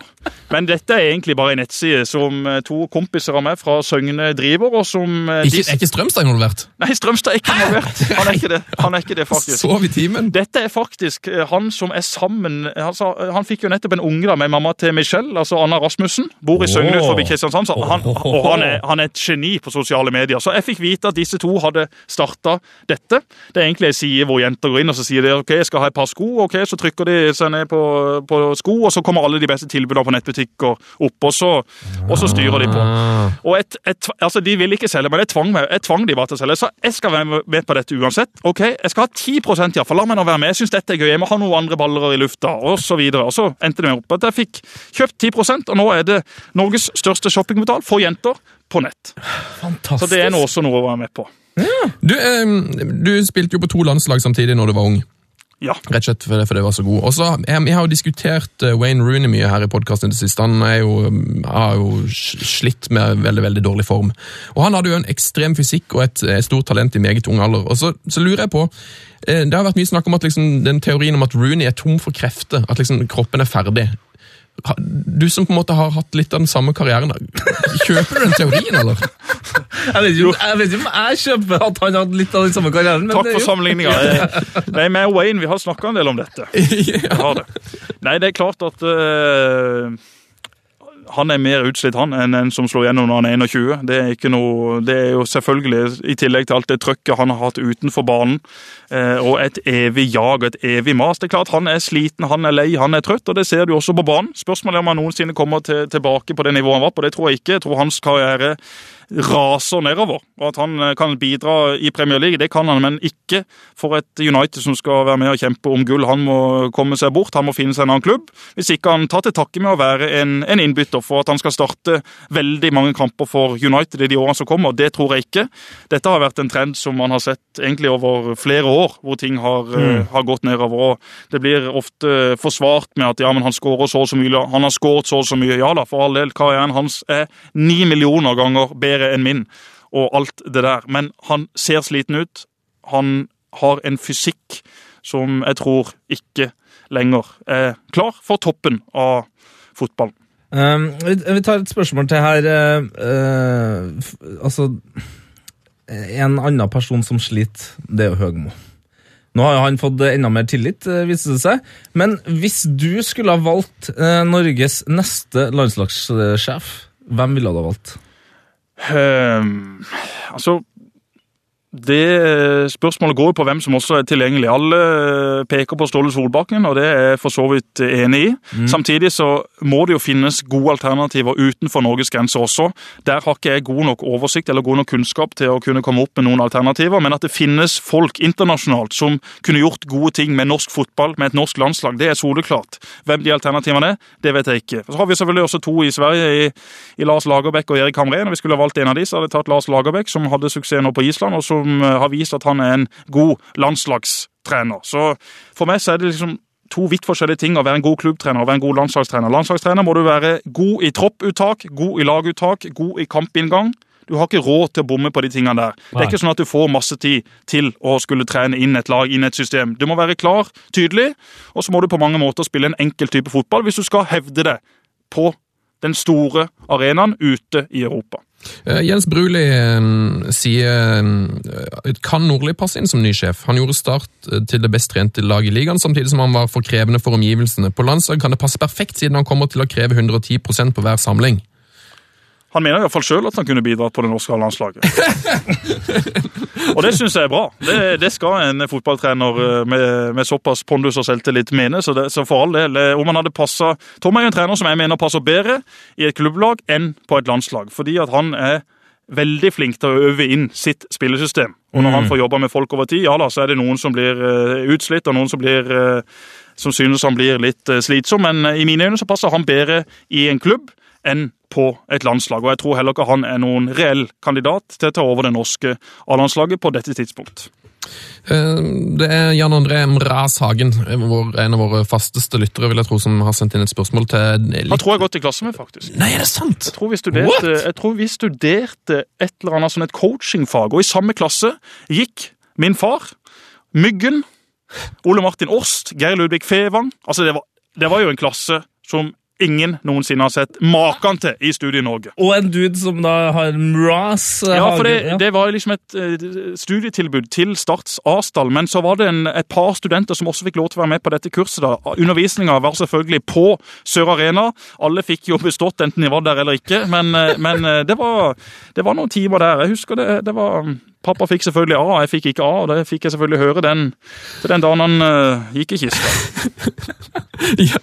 Jan André spør uansett, eh, ettersom Tete Lidbom skader seg hele tiden, han er jo på krykken nå, eh, kan du gi han noen tips til hva han kan bruke skadeperioden til? Ja, så Sjøl så uh, brukte jeg jo mine skadeperioder til å spille litt for mye på oddsen. Det var jo disse periodene jeg spilte aller mest, for da følte jeg at jeg ikke hadde spenning. Hadde ikke noe å fylle dagene med. Jeg trengte ikke sove om natta, så da ble jeg sittende og dunke løs på det store internett. Så Tete, det bør du ikke gjøre. Nei, ok, for det gikk ikke i pluss. Det var mitt andre Ja, spørsmål. så det gikk jo litt i pluss og litt i minus. Totalt sett så, så gikk det vel ikke akkurat i pluss, men eh, det gikk ikke sånn dundrende i minus heller. Det var vel eh, Men det var, det var spennende. Så eh, vi jeg vet ikke om jeg har tatt den historien, men jeg hadde jo en, en, med en kompis da, som stort sett satt og spilte, og han vant veldig mye i løpet av en periode. Det var ikke sånn at han hadde så høy innsats, men plutselig så solgte det inn en fire-fem kuponger, og han vant nesten en, en, nesten en million på oddsen. Å, helsike! Eh, og den ene avtalen vi hadde, da, var at hvis en av oss vant mye penger, Ja. så skulle vi kjøre på McDonald's og kjøpe sinnssykt med hamburgere. Så vi gjorde det. Vi kjørte ut i en, sånn en varebil som vi hadde lånt fra Start. Og eh, Først så skulle han ha seg to nye TV-er. Så han eh, løp inn på Elkjøp og kjøpte seg en 50-tommer og en 60-tommer. Og ut igjen, inn i bilen, og eh, så kjørte vi ned da til drive-in på McDonald's i Sørlandsparken. Og vi kommer til denne her eh, telefonkiosken, holdt jeg på å si, og sier at ja, vi skulle hatt eh, cheeseburgere for eh, 1000 kroner. og så skal vi ha eh, Big Mac for 500 kroner. Og så sa de unnskyld.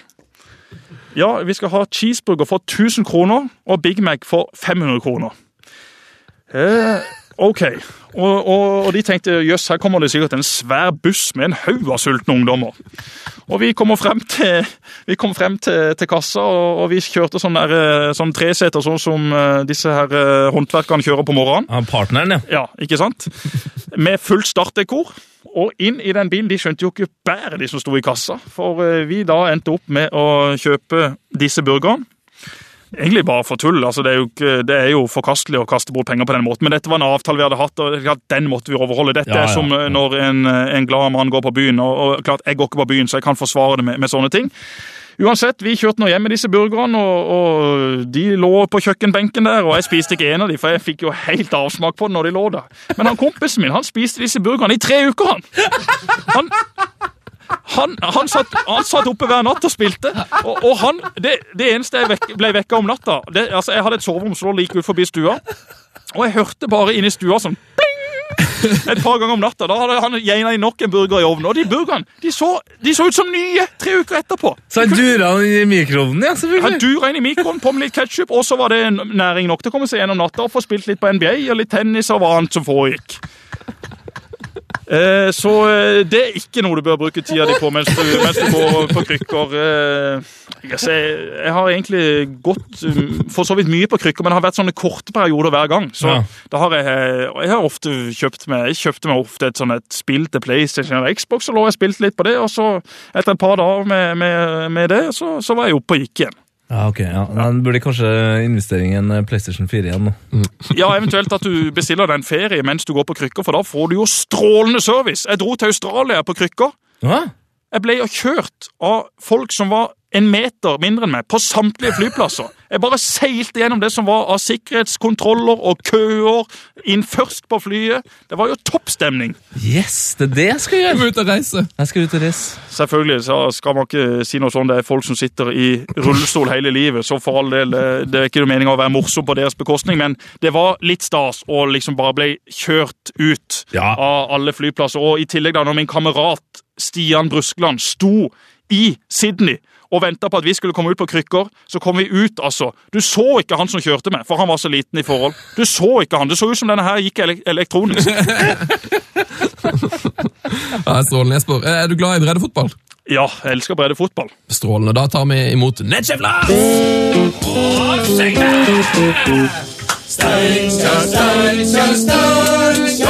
Det er ingen som vi, som fotballag som vi. Gå Ingen kan slå SJFK. Hei! Og der er han! Her er det fest, som vanlig, Her hører er det altså en stemning av det helt, helt sjeldne. Jesper har nettopp fortalt om den gangen han kjøpte noe sånt som 100 burgere. 100 cheeseburgere, og det blir vel en eh, ja. Det var ikke meg, det var kompisen min. ja, det var kompisen din, da. Det var kompisen. Men nettsjef Lars fikk jo ikke lov å være med sist, for da pratet jeg jo høl i huet på dere, og da ble det ikke tid til han. Så det er veldig hyggelig, Lars, at du nå er med nå. Tusen takk, det var hyggelig å treffe deg. Veldig bra. Jeg kan jo begynne med en historie fra breddefotballet. Åh, nydelig. Eh, Dette går også på eh, gambling. Eh, Dette er også elleve år siden, så saken er forelda. Ja, det det, foregikk ikke noe ulovlig, men at det var litt sånn på kanten, og at Kjetil Siem helt sikkert ikke hadde likt det, det stemmer nok. Men i alle fall, dette var meg og en annen kompis. Det er klart Vi var en gjeng som var litt glade. Vi var litt spilleglade. Vi hadde satt penger før sesongen på syv sånne duellspill i breddefotballen. Det vil si f.eks. at eh, Start 2 kommer over Jerv 2 på tabellen, at eh, Vigør kommer over Don på tabellen, osv. osv. Altså, du skal tippe det laget av to lag som kommer øverst på tabellen. Vi hadde satsa 3000 kroner på dette før sesongen begynte. Og eh, da vi kom til sommeren, så så seks av syv spill veldig fine ut. De leda med 10 poeng, 12 poeng, 15 poeng, og vi hadde egentlig god kontroll på, på det som foregikk. Men det var én ting der. Det var én duell som ikke gikk. Selvfølgelig. Det var Strømmen sitt andre lag, som skulle komme foran Eidsvoll Turn sitt andre lag. Oi! Og Grunnen til at Strømmen 2 lå bak, for de hadde i utgangspunktet en bedre stall på A-laget sitt, men disse eldre gutta gadd ikke å spille andrelagskampene. Rett og slett. For de, de, hadde, de, de gadd ikke bruke tida si på det. De hadde ikke noe motivasjon. Eidsvoll 2 lå fem poeng foran Strømmen 2 om sommeren. Og tenkte vi må gjøre noe. Vi ringer jo selvfølgelig ikke til Eidsvoll og sier at de skal legge seg, for det er jo uh, kampfiksing, og det holder vi ikke på med. Nei. Men at vi kan gi Strømmen 2 ei lita gulrot, det er lov. ja, det det, bare en liten bonus. det, er innafor. Høres ikke helt lov ut, men ja, ja. Ja, men hvor, hvorfor er ikke det lov? Altså, Det er jo samme som en investor sier, eh, Erik Soler sier dere får 20 000 kroner hvis dere slår Bodø-Glimt i Bodø. Da tar vi gull. Ja, Dette er det Det, det er bonusopplegg. Det er Det, driver alle med. Ja, jeg er ikke jurist, jeg sier bare min magefølelse. Nei, jeg Bonus har-. Jeg har noen, jeg har noen, jeg har noen vekttall i juss, og, og, og dette, dette er lov. Uansett, saken er forelda. Dette var elleve år siden, det er vel ti år, så, så ja, vi, vi kan ikke bli tatt på dette. Så vi kjører den ut på lufta, gutter! Yes! Ja. Men eh, vi ringte til Strømmen 2, da. Og så sa vi Du, eh, det er Jesper her. eh, Kan jeg ikke stille litt, litt bedre lag? Disse her gamle gutta de bidrar ikke på A-lag uansett. De må jo få seg noe matchtrening. Vi stiller med 20 000 kroner til en fest etter sesongen hvis dere kommer over Eidsvoll 2. og de takka for tilbudet og tenkte ja, vi får, vi får nå se hva vi, hva vi får gjort med det. og Sesongen gikk, og Strømmen 2 stilte med litt flere av disse gamle gutta. De var jo klar for en fest! Og Strømmen 2 endte syv poeng foran Eidsvoll 2. Nei! Jo! Så det ble gevinst på meg og Eivind. Og ble det en god fest òg, regner jeg med? Om det ble en god fest Altså, jeg var personlig og møtte gutta. Ga de 20 000 kroner. Vi ble invitert på festen, men som dere vet er ikke den beste til å feste, så jeg lot de ta seg av det. Men de hadde visst en heidundrende fest på et eller annet klubbhus. Det var eh, øl, det var champagne, det var eh, de herligste retter. Alt sponsa av to unge gutter fra Kristiansand, kun som et lite takk for hjelpa for at de kom foran Eidsvoll-turen sitt andre lag. Du, Det der syns i hvert fall jeg var en fin uh, breddehistorie. Netchef Lars. Det var topp.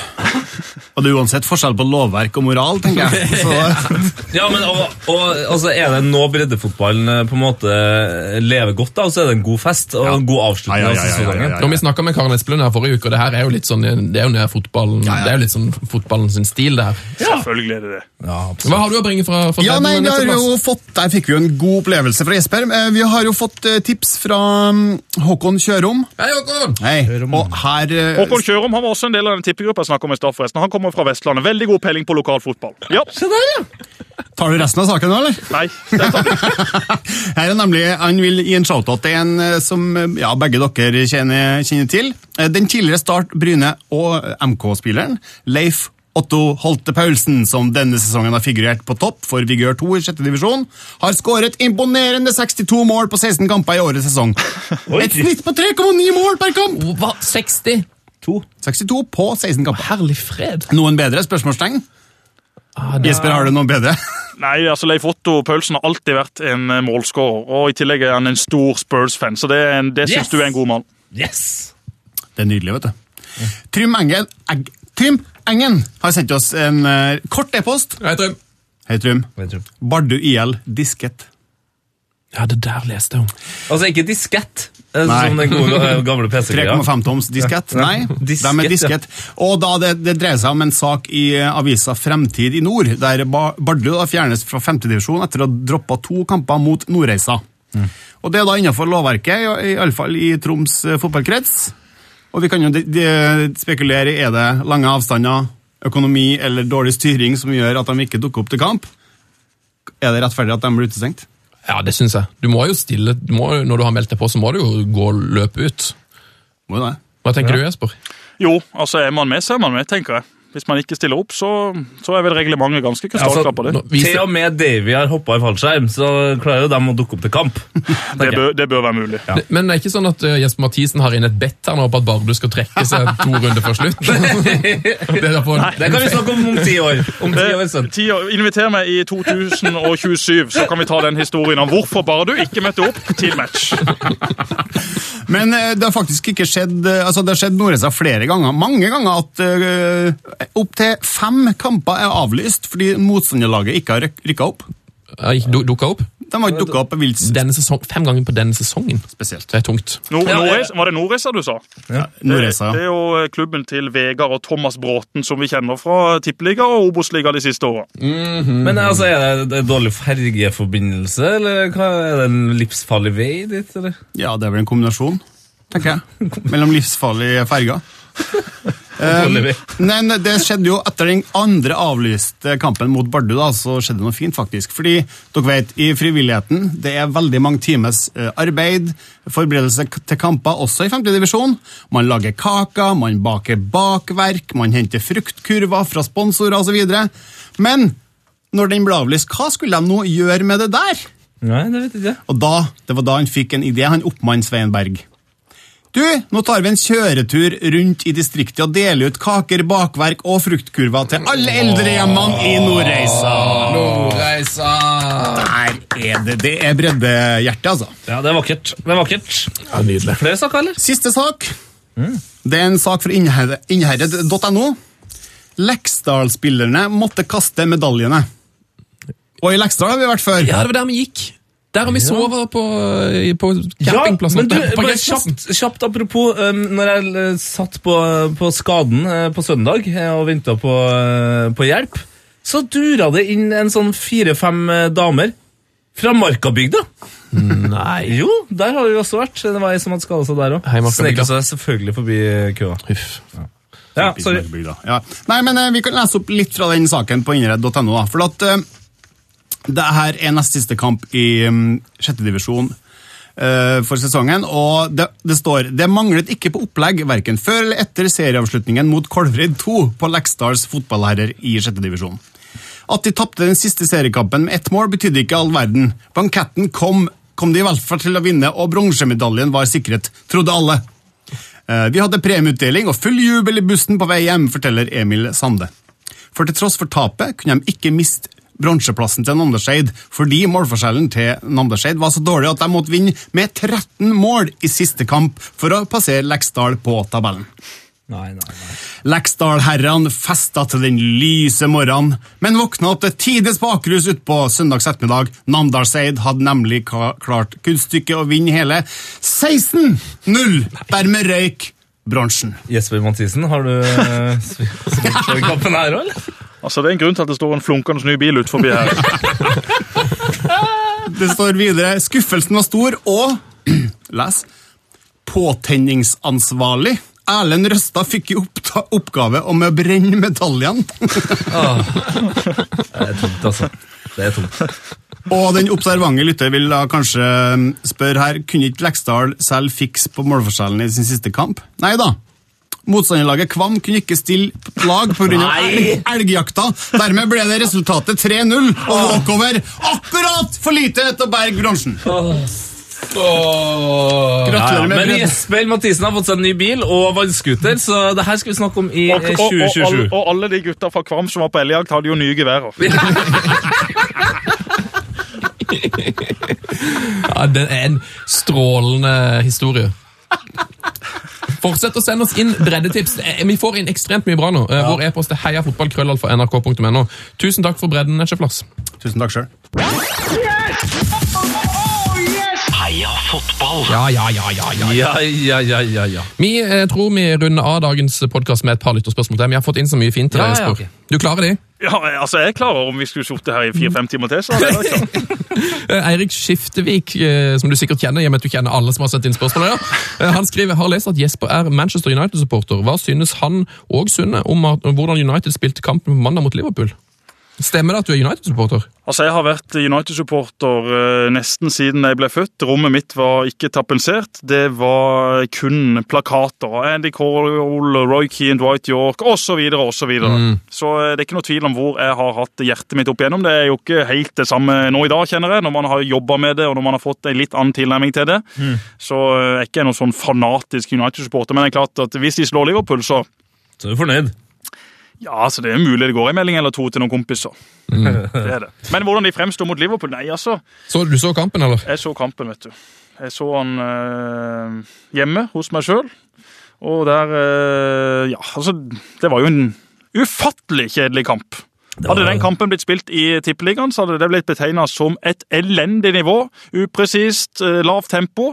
Blir det spilt i Premier League, ja, så er det jo bare magnificent taktisk gjennomført. Sånn er det.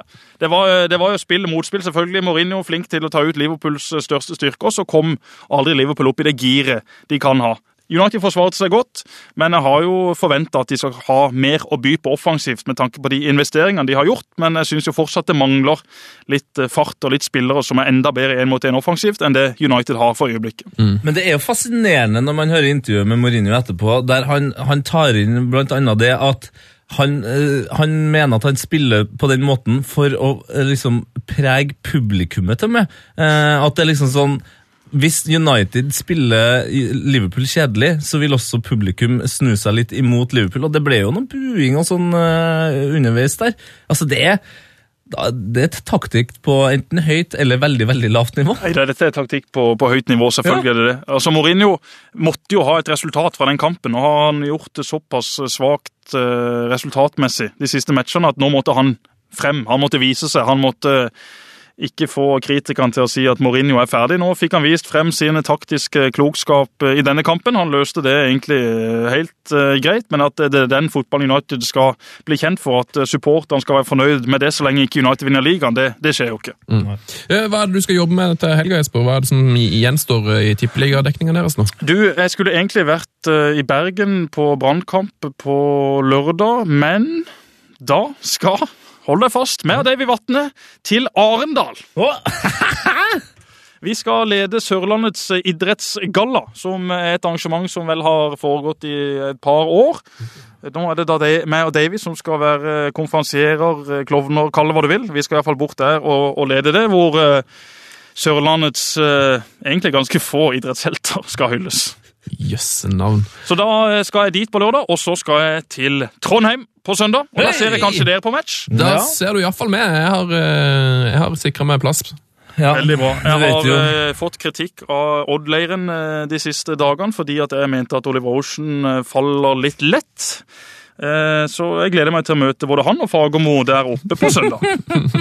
Hey, hvordan, er- hvordan, forhold har du til Fagermo? Han virker som en fyr som ikke eh, legger noe imellom med, verken journalister eller, eh, eller spillerne sine eller fans eller noe som helst. Jeg har et strålende forhold til Dag Eide Fagermo. Jeg syns han er en berikelse for norsk fotball. Han er jo en mann i min gate. Han er jo på mange måter lik meg sjøl, med tanke på hva han sier og på måten han sier ting på. og det synes jeg. Jeg kjenner meg litt igjen. Og Fagermo eh, hadde meg også på regionslaget da jeg var veldig ung. Da hadde vi noen sånne regionsamlinger sammen med Telemark, og da hadde Fagermo meg som trener. Mm. Og han eh, har jo da sagt at jeg var, jeg var King Kong, så det er synd at ikke det ble mer enn det ble. Eh, Andreas Nilsen spør deg et Randesund-spørsmål her. Og Jeg håper du husker dette.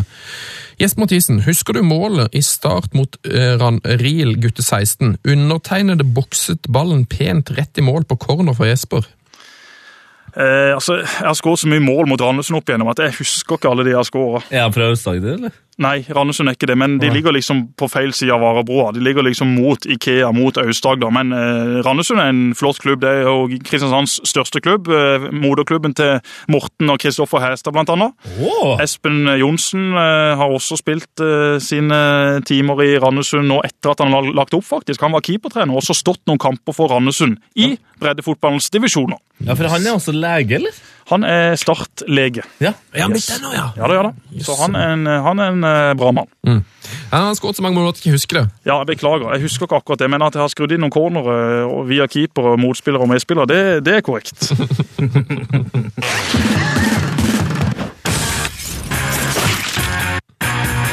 Heia fotballs glory hall. Yes, velkommen til Heia Fotballs Glory Hall. Eh, det. det er langt, langt der forbi den første Melkeveien, det finnes vel i hvert fall flere, eh, la oss si at det finnes ti da, og på den ellevte, selvfølgelig, det finnes jo elleve fotballspillere på banen, så finner du en grønn planet. Grønnere enn fjeset til Sven Biskår Sunde på Mm. vei ned fra et fly i fallskjerm, hvis det noen gang vil skje. Aldri. Og der har du de fineste spillere som vi har valgt opp i vår Glory Hall. Det er riktig. Ehm, sist du var her, så rakk du vel ikke være med på dette her heller, eh, Jesper? Nei, eh, Glory Hall, jeg aner ikke hva de prater om. Det er altså en, jeg var ikke med på dette sist. det er en hyllestklubb. Som vi, vi pleier alltid å avslutte med å hylle en fotballspiller vi er veldig glad i. Vi har hylla Lloyd Lisloan. Ja. Ehm, vi Myggen har vi Ja, hylla. Ja, ja, ja. Ole Martin. okay. Ja, Årst har vi med. Ja, Hvem skal vi hylle i dag? Um, Det får vi se, da. Det hvem, er hvem ville du ha altså, eller, Jeg har to spørsmål. Uh, er Batistuta der? Batistuta er der. Og hvem ville du hylle, Jesper? Altså, Batistota hadde Fiorentina-drakta da jeg var liten, så Batistota har vært et av mine store forbilder. Ja, men uh, før vi går videre, har ikke du blitt linka til både Fiorentina og Ajax? Og Du, jeg, jeg hadde tilbud fra Fiorentina, og jeg hadde tilbud fra Feyenoord, ikke fra Ajax. Oh, ikke Feyenoord, Men jeg kunne reist til de klubbene eh, i min uh, ungdom, men uh, jeg var som pappa. Jeg, jeg savna jo hjemme så fort jeg passerte fylkesgrensa, så det ble ikke noe av det. Jeg valgte det trygge. Jeg valgte det trygge, bli hjemme og bli skada. Hvor nære var du den overgangen til Fiorentina? vil du si? Ikke så veldig nære, fordi at eh, jeg hadde lyst til å være hjemme, fullføre skolen og, og være med på det som så ut til å bli meget spennende i start. Mm. er det noen startspillere som mm, burde vært her, tenker du? Ja, Myggen bør være der. Eh, hvem andre? Nei, altså det er jo ikke så, så himla mange andre. Svein burde vært der. Ja da, ja da, men, eh, men eh, kommer vel enda. vi får se. Vi får se. Ja, uh, Ukens Glory Holler er sendt inn fra Morten Asbjørnsen. For det er ikke sånn at vi alltid trenger å skrive våre egne. Uh, det er veldig fint. Vi trenger bare å få inn eh, fra dere flotte lyttere. Fortsett å sende inn uh, Glory Halls. Gå inn på heiafotballsgloryhall.tumler.com, så kan du se hvem som er der fra før av, sånn at du slipper å skrive en hyllest til en fyr som allerede er der. Da tror jeg bare vi og Jesper lener oss tilbake og ny, nyter ukens hyllest. da. Oh, ja. Denne hyllesten går ut til 187 cm med ren vilje, indre motivasjon og ikke minst kraft. En fotballspiller som ble kjent for å ikke holde tilbake i taklingene, og som virkelig kunne finne på å gjøre det ekstraordinære som ingen kunne forutse. Gutten hadde en ungdomskarriere i VM og Jevnaker før han ble tatt opp i Asdalen til sistnevnte som 20-åring. Folk fikk fort øye opp for dette talentet, og etter en liten tid i diverse klubber var han klar for å representere selveste hovedstadlaget, Vålerenga, i 2000. Som om ikke det var nok, ble han henta inn sammen med hans tvillingbror Rune.